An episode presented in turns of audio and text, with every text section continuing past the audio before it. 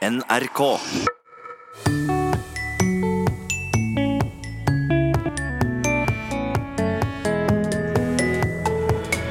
Stemmene vi aldri glemmer, formidla sport på direkten. Saken er klar! Saken er biss! Saken er karbonade! Saken er ertesuppe! Men de drev òg språklig nybrottsarbeid, mener forfatter av ny bok. Og språk var et ikke-tema for de fleste partier i valgkampen, slår ny rapport fast. Det viser seg at de aller fleste partier i de aller fleste fylker ikke mener noe om språk, og spesielt ikke om de mest betente språktemaene i hvert fylke. Og det er et demokratisk problem. Vel møtt til Språkteigen. Vi starter på et felt vi ikke er så ofte innom i Språkteigen, men som jeg vet mange mener noe om, nemlig sport og språk. Sportsspråket får ofte gjennomgå som banalt, ukorrekt og fylt av klisjeer. Men samtidig, i sporten har det skjedd mange språklige nyvinninger. Og dem som har kommentert sport, har opp gjennom åra flyttet språklige grenser. Historien om disse stemmen er nå samla i boka Gull til Norge, lidenskap for sport, stemmene vi aldri glemmer. Og forfatter er du, Arve Fuglum, journalist og sportskommentator. Ja, jeg har kommentert sport eh, etter hvert ganske mange år, ja. Ja. Og da har du fått stått i denne språklige utfordringa mang en gang. Ja, og den, de, den aller største utfordringen eh, tidlig i min kommentatorkarriere, da jeg var eh, veldig, veldig fersk, det var jo å finne ord. Og, og ikke holde munn. For ting skjedde fort. Og når det kom en ball inn foran mål fra et hjørnespark, så var det om å gjøre å holde den flyten i gang, og det greide jeg ikke bestandig. Så hva syns du, da, når jeg har sett disse merkelappa banalt, grammatisk ukorrekt og fullt av klisjeer? Så stemmer vel det til en viss grad, men eh, det, er, eh, det er jo sånn at når du sitter der eller står og skal referere en sportsbegivenhet som kan vare i alt fra en halvtime til eh, fire-fem timer Det lengste jeg har vært borti, det var jeg kommenterte cricket i åtte timer sammenhengende. Eh, men altså, du er fryktelig lenge på lufta. Du har naturligvis en, en bank av kunnskap både i det du husker og kan, men også i alt det du har forberedt deg på. Og det ligger jo timer og dager med forberedelser før eh, et stort arrangement, f.eks. Og da er det jo helt umulig at du i løpet av de timene ikke kommer til å si en del ting som eh, kan karakteriseres som språklige blundere eller eh, dårlig språk, eller eh, at du ikke har riktig setningsoppbygging. Altså Dette er direkte, uten manus, og du har, du har et tomt bord foran deg i utgangspunktet, språklig sett, og så skal du fylle det.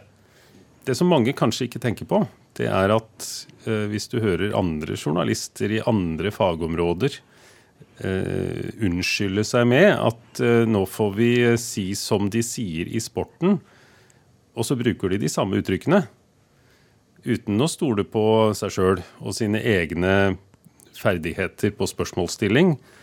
Samtidig som sportsjournalistene på det tidspunktet kanskje har forlatt akkurat det uttrykket og det som da blir kalt for klisjé, og er over på noe annet. Mm.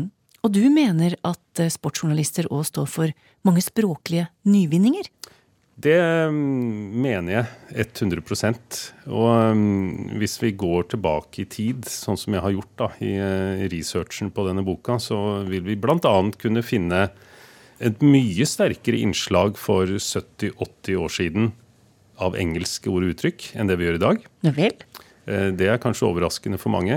Hvis du hører på fotball, et fotballreferat fra 30-tallet, så vil du høre at de prater om goal og points, og det er center half. og Veldig mange av de, spesielt innenfor fotballen, da, uttrykkene som ble etablert både i, i, i, skriftlig form i avisene og på radio, for det var jo avisjournalister som kommenterte i, i starten så er det veldig mange av de ord og uttrykk som nå er forlatt og erstattet med norske ord. Mm.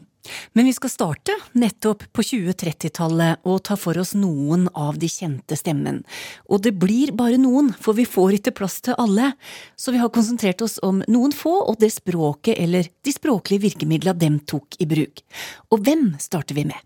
Da må vi trekke fram en uh, helt markant personlighet som uh, het Peder Christian Andersen.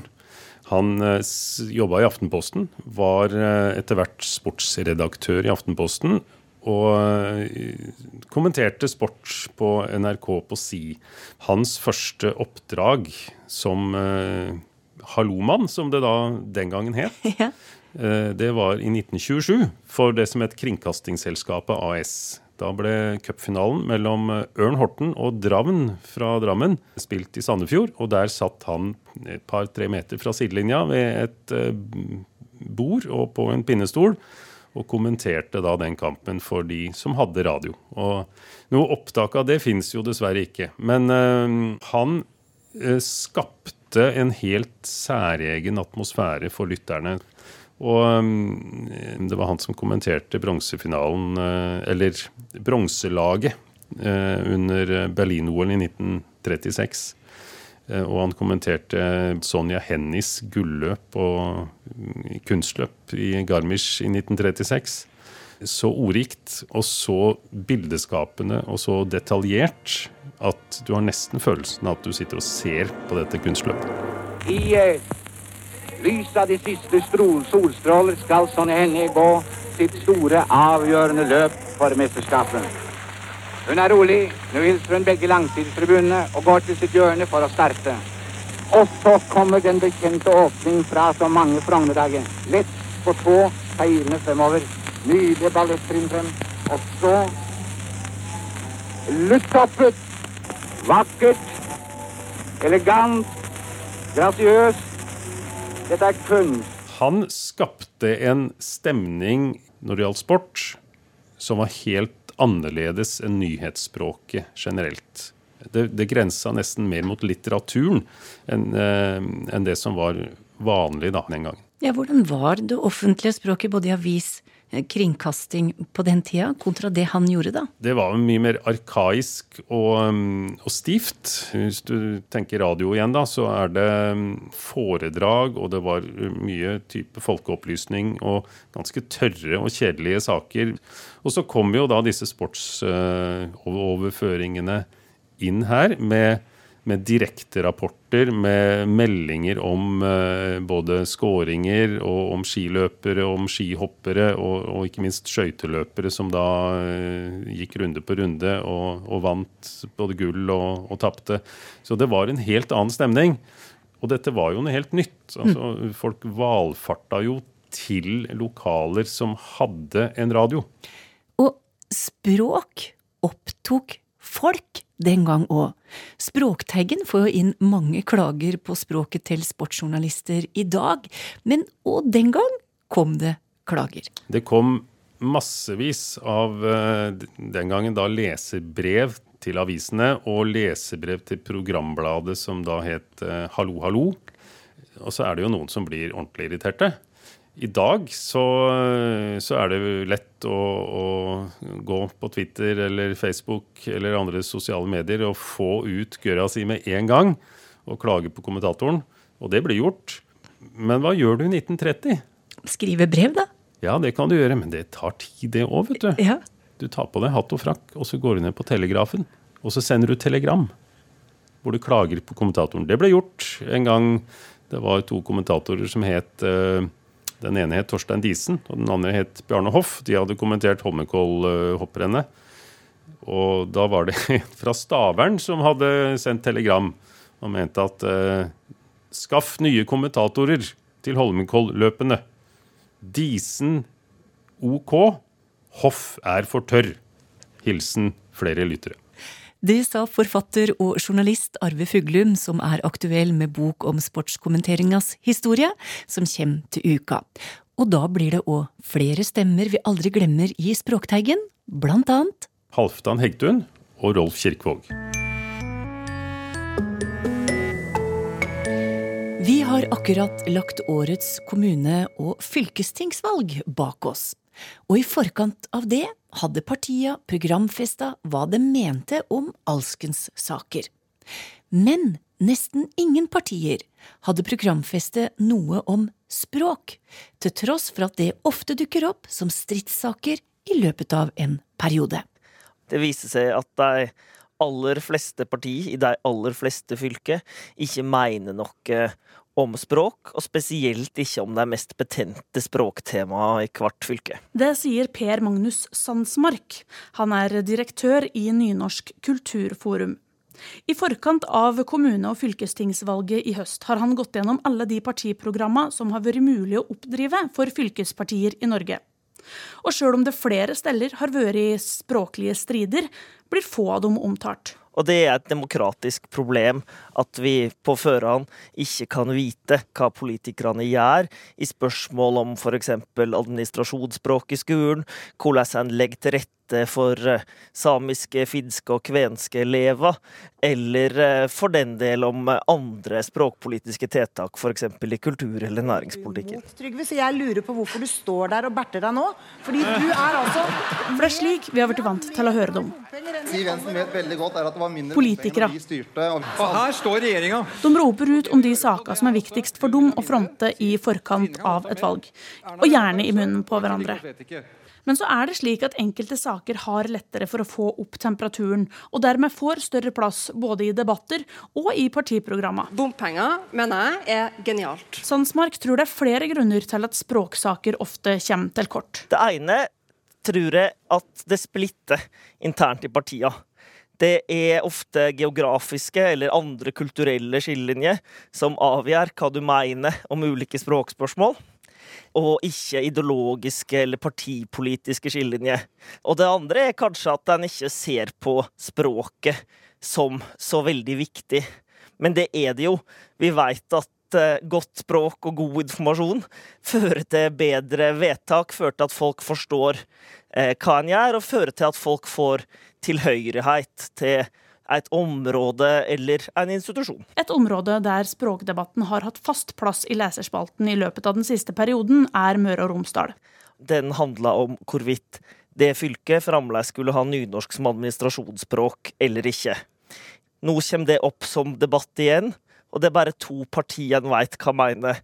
Det er SV som har uttalt eh, i programmet at de vil at fylket fremdeles skal ha nynorsk som administrasjonsspråk, og så er det Høyre som ønsker nøytralt administrasjonsspråk. Eh, Vi har ja, festa det inn i programmet vårt, og syns at det er en måte som imøtekommer både de som har bokmål, og de som har nynorsk som sitt førstevalg. Det sier eh, Dag Olav Tenfjord, som er fylkesleder i Høyre i Møre og Romsdal. Han er òg ordfører i Skodje kommune fram til nyttår. Da blir kommunen en del av nye Ålesund. Han forteller at det er mange grunner til at de mener det er viktig for fylket å ha nøytralt administrasjonsspråk. Det er jo opplevelsen av eh, mange som eh, både både innbyggere, men særlig ansatte, som opplever at eh, de sliter med å formulere seg på et høyt nivå på nynorsk. De som kanskje kommer tilflyttende, men også folk som har vokst opp i byene i Møre og Romsdal, er vant til å forholde seg til eh, bokmål i hverdagen. Og Da blir det å eh, skulle bli tvinga til å skrive alle sakspapir til politiske organ og ekstern informasjon på nynorsk en krevende øvelse. Det blir brukt, eh, brukt mye ressurser på det. Og jeg hører òg at det for enkelte er noe som avskrekker en fra å søke. Og det er omtrent dette som står i partiprogrammet for Høyre i Møre og Romsdal òg. Man, man bør jo kunne lese av et program hva, et, hva som er standpunktet til et parti. da. Vi skal komme tilbake til hvorfor andre partier i Møre og Romsdal ikke har via dette spørsmålet noen plass i sine program. Men først skal vi innom et av de språktemaene som ikke har noe problem med å slippe til. Sidemålsopplæring, enten du har nynorsk eller bokmål som sidemål, det blir jo avgjort av eh, storting og regjering. Likevel så mener minst ett parti i hvert eneste fylke at det skal være valgfritt. Samtidig så er det ingen parti som har programfesta at de vil holde fram som i dag. Så det betyr at eh, en veit faktisk ikke, hvis et eller annet parti søker ei forsøksordning eller ei prøveordning om å, om å, få gjort sidemål valgfritt, så er det også helt åpent hva fylkestinga kommer til å gjøre. Så det store problemet her er egentlig at vi veit ikke. Ja, det store problemet er at vi veit ikke. Og så veit vi jo òg at sånn som i dette spørsmålet, så har stortingspartiene klare standpunkt, men fylkespartiene følger ikke nødvendigvis de standpunktene som finnes eh, nasjonalt i disse spørsmålene. Så da vet vi enda mindre enn vi ellers hadde visst. Men med nasjonale retningslinjer, en ny språklov på trappen og et språkråd til å holde oss i øra, er det egentlig så viktig å vite hva fylkespolitikere mener? Ja, de har eh, jo selvstendig ansvar for språkpolitikken til fylket, altså alt materialet materiale og dokumentasjon og informasjon som eh, fylkeskommunen produserer. De har ansvar for videregående opplæring, som skal lære både helsefagarbeidere å uttrykke seg klart og tydelig, enten det er på et samisk språk eller på norsk eller på engelsk til pasientene sine. Og de utdanner framtidas akademikere. Så det er helt åpenbart at eh, fylkeskommunen har et stort eh, språkpolitisk ansvar. Og det er sånn i dag at Språkrådet har ansvar for den statlige språkpolitikken. Fylkeskommunene sjøl har ansvar for sin språkpolitikk. Sjøl om vi veit lite om språkpolitiske vyer rundt om i landet, er det allikevel én region som skiller seg ut. En region der alle partier mener noe om språk. Vestland. Og her er det alt fra Høyre, som sier at det er ferje og nynorsk som binder fylket i hop, til særlig Folkeaksjonen Nei til bompenger, som har det mest ideologiske forsvaret for nynorsk, som eh, sier at det er en felles identitetsbærer, at eh, vestlandsforfatterne er en av de viktigste bærerne av identiteten, og at nynorsk er et døme på hvordan makt blir bygd nedenfra og ikke ovenfra i denne regionen. Samtidig er det jo veldig mange andre partier i dette fylket òg som har det helt tydelig. Og en ting er de tradisjonelle partiene som har båret de, de såkalte motkulturene, altså Senterpartiet og Venstre, men også eh, Høyre, eh, Framstegspartiet, eh, nevner nynorsk som identitetsbærer i dette fylket. Så er det altså slik at språksaker de havner på politikeres bord, enten de har ment noe om dem i forkant eller ei. Hvilke saker tror Sandsmark kommer til å prege fylkespolitikken de neste fire åra? Det ene er jo hvor mye en er villig til å prioritere for at elever med mindre brukte språk, altså nynorsk, de samiske språka, finsk og kvensk, skal kunne leve og skal kunne få nye brukere, særlig videregående opplæring. Så kommer det òg til å bli en kamp om eh, administrasjonsspråk og tydelige språklige retter for de samme gruppene, til dømes i Møre og Romsdal, i Innlandet, Trøndelag og nordover. Tilbake i Møre og Romsdal, og enda mer spesifikt i nye Ålesund kommune, som Høyres Dag Olav Tenfjord snart er en del av, er debatten allerede i full gang. For av de fire store sakene som måtte avklares, kommunevåpen, kommunesentrum, kommunenavn og administrasjonsspråk, er det det siste punktet som har skapt mest huebry. Det har vært overraskende lite konfliktsaker, og denne eh, målforma har jo vært en av de som har seila opp, som til en viss grad representerer en sånn by mot land motsetning eh, også, da. Er det overraskende eh, at det, at det, er der det oppstår konflikter? Eh, nei, kanskje ikke. Men altså, vi, har, vi, har, jo kjørt en prosess der, man, der vi har lagt stor vekt på å finne gode kompromiss. Men altså, på identitetstilknytta saker så er det vanskelig å finne gode kompromiss. Mm. Det blir mye følelser i det. Reporter her var Helle Therese Kongsrud. Og hva utfallet blir i Nye Ålesund, det avgjøres i et konstituerende kommunestyremøte den 24. oktober. Der kommer du til å være til stede, Eva Vinje Aurdal. Du er ordfører i Ålesund i dag, og blir også sittende etter sammenslåinga. Og aller først, hva mener ditt parti, Arbeiderpartiet, om administrasjonsspråk i den nye storkommunen?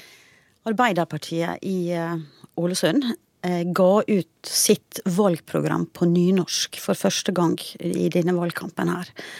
Og det var ikke uten reaksjoner, både fra folk internt i partiet som lurte på hva i all verden det her skulle bety, og reaksjoner blant andre. Så vi valgte det som en tydelig statement for hva vi ønsker. Men jeg må også legge til at det er ikke blitt behandla partimessig i partiet enda. Programmet kom ut på nynorsk, mm. men det sto ingenting i programmet om hva slags målform dere foretrekker. Nei, eh, man kan jo lure på om det var en forglemmelse, da. Og grunnen til at du har blitt en forkjemper for nynorsk i Ny-Ålesund, det er vel et resultat av forhandlinga mellom de fem kommunene som nå slår seg sammen i ja, Ålesund? Ja, dette her var en av de tinga som ble tatt opp mens vi fortsatt var i forhandlinger. Og da hadde vi en situasjon der vi tok en runde med alle ordførerne som satt der, og alle svarte nynorsk, bortsett fra meg, da, som sa språknøytralt. Eh, fordi når jeg satt der, så visste jeg at jeg representerte dagens Ålesund kommune, og at der har vi per i dag språknøytralitet, og at det sannsynligvis var det flertallet bak meg i Ålesund ville ønske. Mm. Men når jeg da tapte, og var den eneste som gikk for nøytralitet, så eh, godtok jeg det uten problemer, og um, arbeider nå for at uh, Ålesund skal bli en nynorsk kommune. Slik blir det debatt av, og den har vært og er het i Ålesund nå. Ja, veldig. Og det er klart at det med språket berører oss på en spesiell måte, fordi det har med vår identitet å gjøre, og hvordan vi framstår og ønsker å framstå. Så her er fortsatt uh, krutt i språkdebattene. Ja, og kanskje ikke rart da at det blir debatt når flertallet av innbyggere er bokmålsbrukere. Da må det jo bli en utfordring for deg og partiet ditt å gi opp språknøytralitet? Ja, det er det. Uh, så det å nå fram da med budskapet om at en faktisk ønsker en likestilling for å sikre valgfriheten, men at en likestilling betyr at du må gjøre spesielle tiltak for at nynorsken skal kunne synes som et funksjonelt språk, den er vanskelig å selge inn uh, blant innbyggerne. Men hadde det ikke vært greiere om partiene mente noe om dette her før valget? Sånn som den gjør med mange andre saker. Mm. Hvorfor, hvorfor, gjør det ikke det? Ja, det, det, er et godt spørsmål. Fordi det viser seg jo at dette her er ei brennbar sak. Uh, men nå kom det jo fram i valgkampen som vi hadde her i Ålesund, i hvert fall. Mm. Um, I hvert fall at Høyre vil ha språknøytralitet, og at jeg, som da ordførerkandidat for Arbeiderpartiet, gikk for, for at vi skulle bli en nynorskkommune. Så det, det, var jo veldig framme i debatten. Men svaret er nok antageligvis at uh, språkform ikke er så interessant å diskutere som uh, bompenger og klima og alle disse sakene som har fått overskrift eh, i valgkampen. Eh, og så tror jeg kanskje også at eh, folk flest ikke helt ser problemstillinga. At, en, en, at det er lite bevissthet rundt det. Mm, at, at, det er greit at det er bokmål som vinner fram, og at nynorsken forsvinner. Men ja, nei, det er tankekors. At det har vært såpass lite framme i når, når en skriver programmene sine. Takk til deg, Eva Vinje Aurdal, ordfører i Ålesund, og hva som blir utfallet i nye Ålesund, blir altså klart i kommunestyret 24. oktober.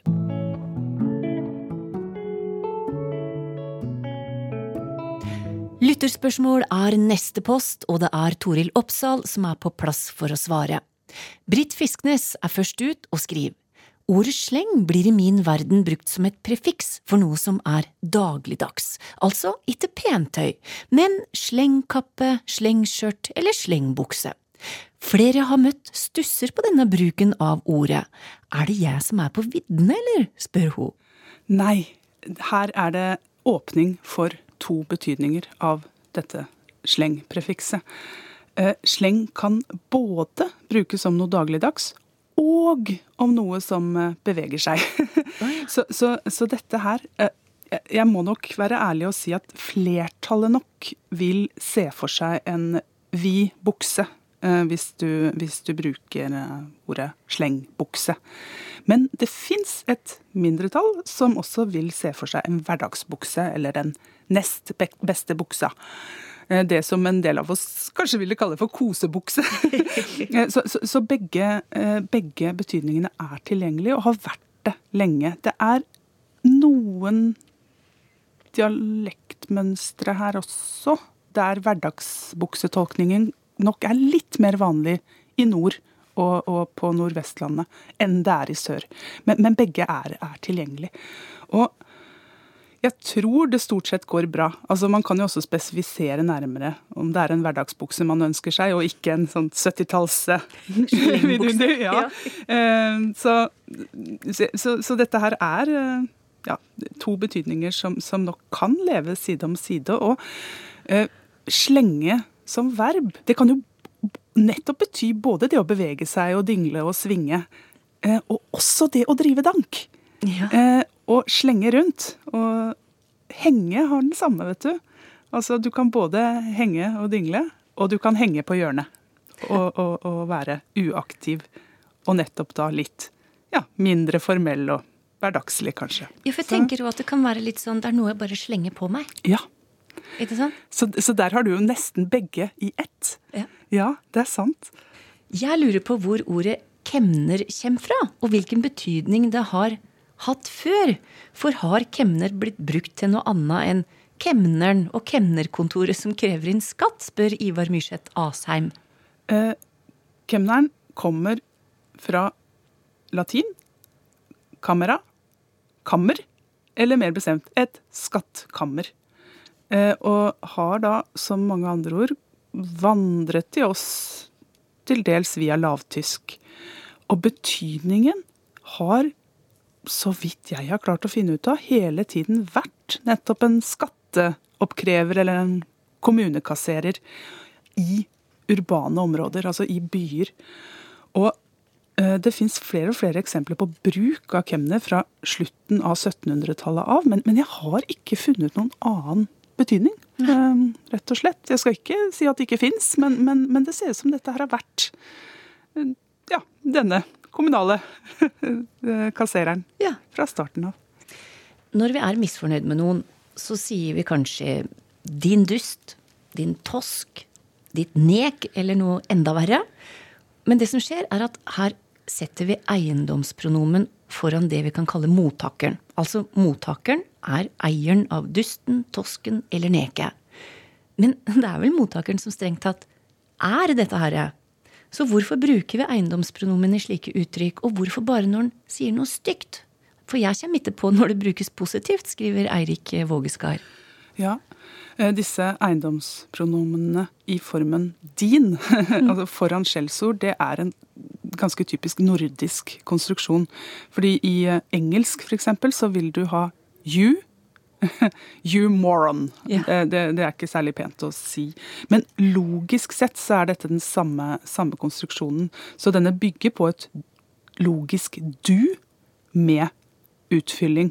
Så, så, så, syntaktisk sett så er dette den samme konstruksjonen. Og hvorfor den har blitt som den har blitt, det tør ikke jeg å si noe om, men, men den har festa seg. Eh, og den har festa seg til skjellsord. Mm.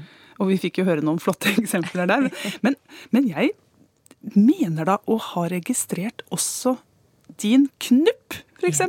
Og din det, engel. Og din engel. Mm. Og din søtnos. Så, så, så, det er nok også, også eksempler på at dette har noen positive konnotasjoner.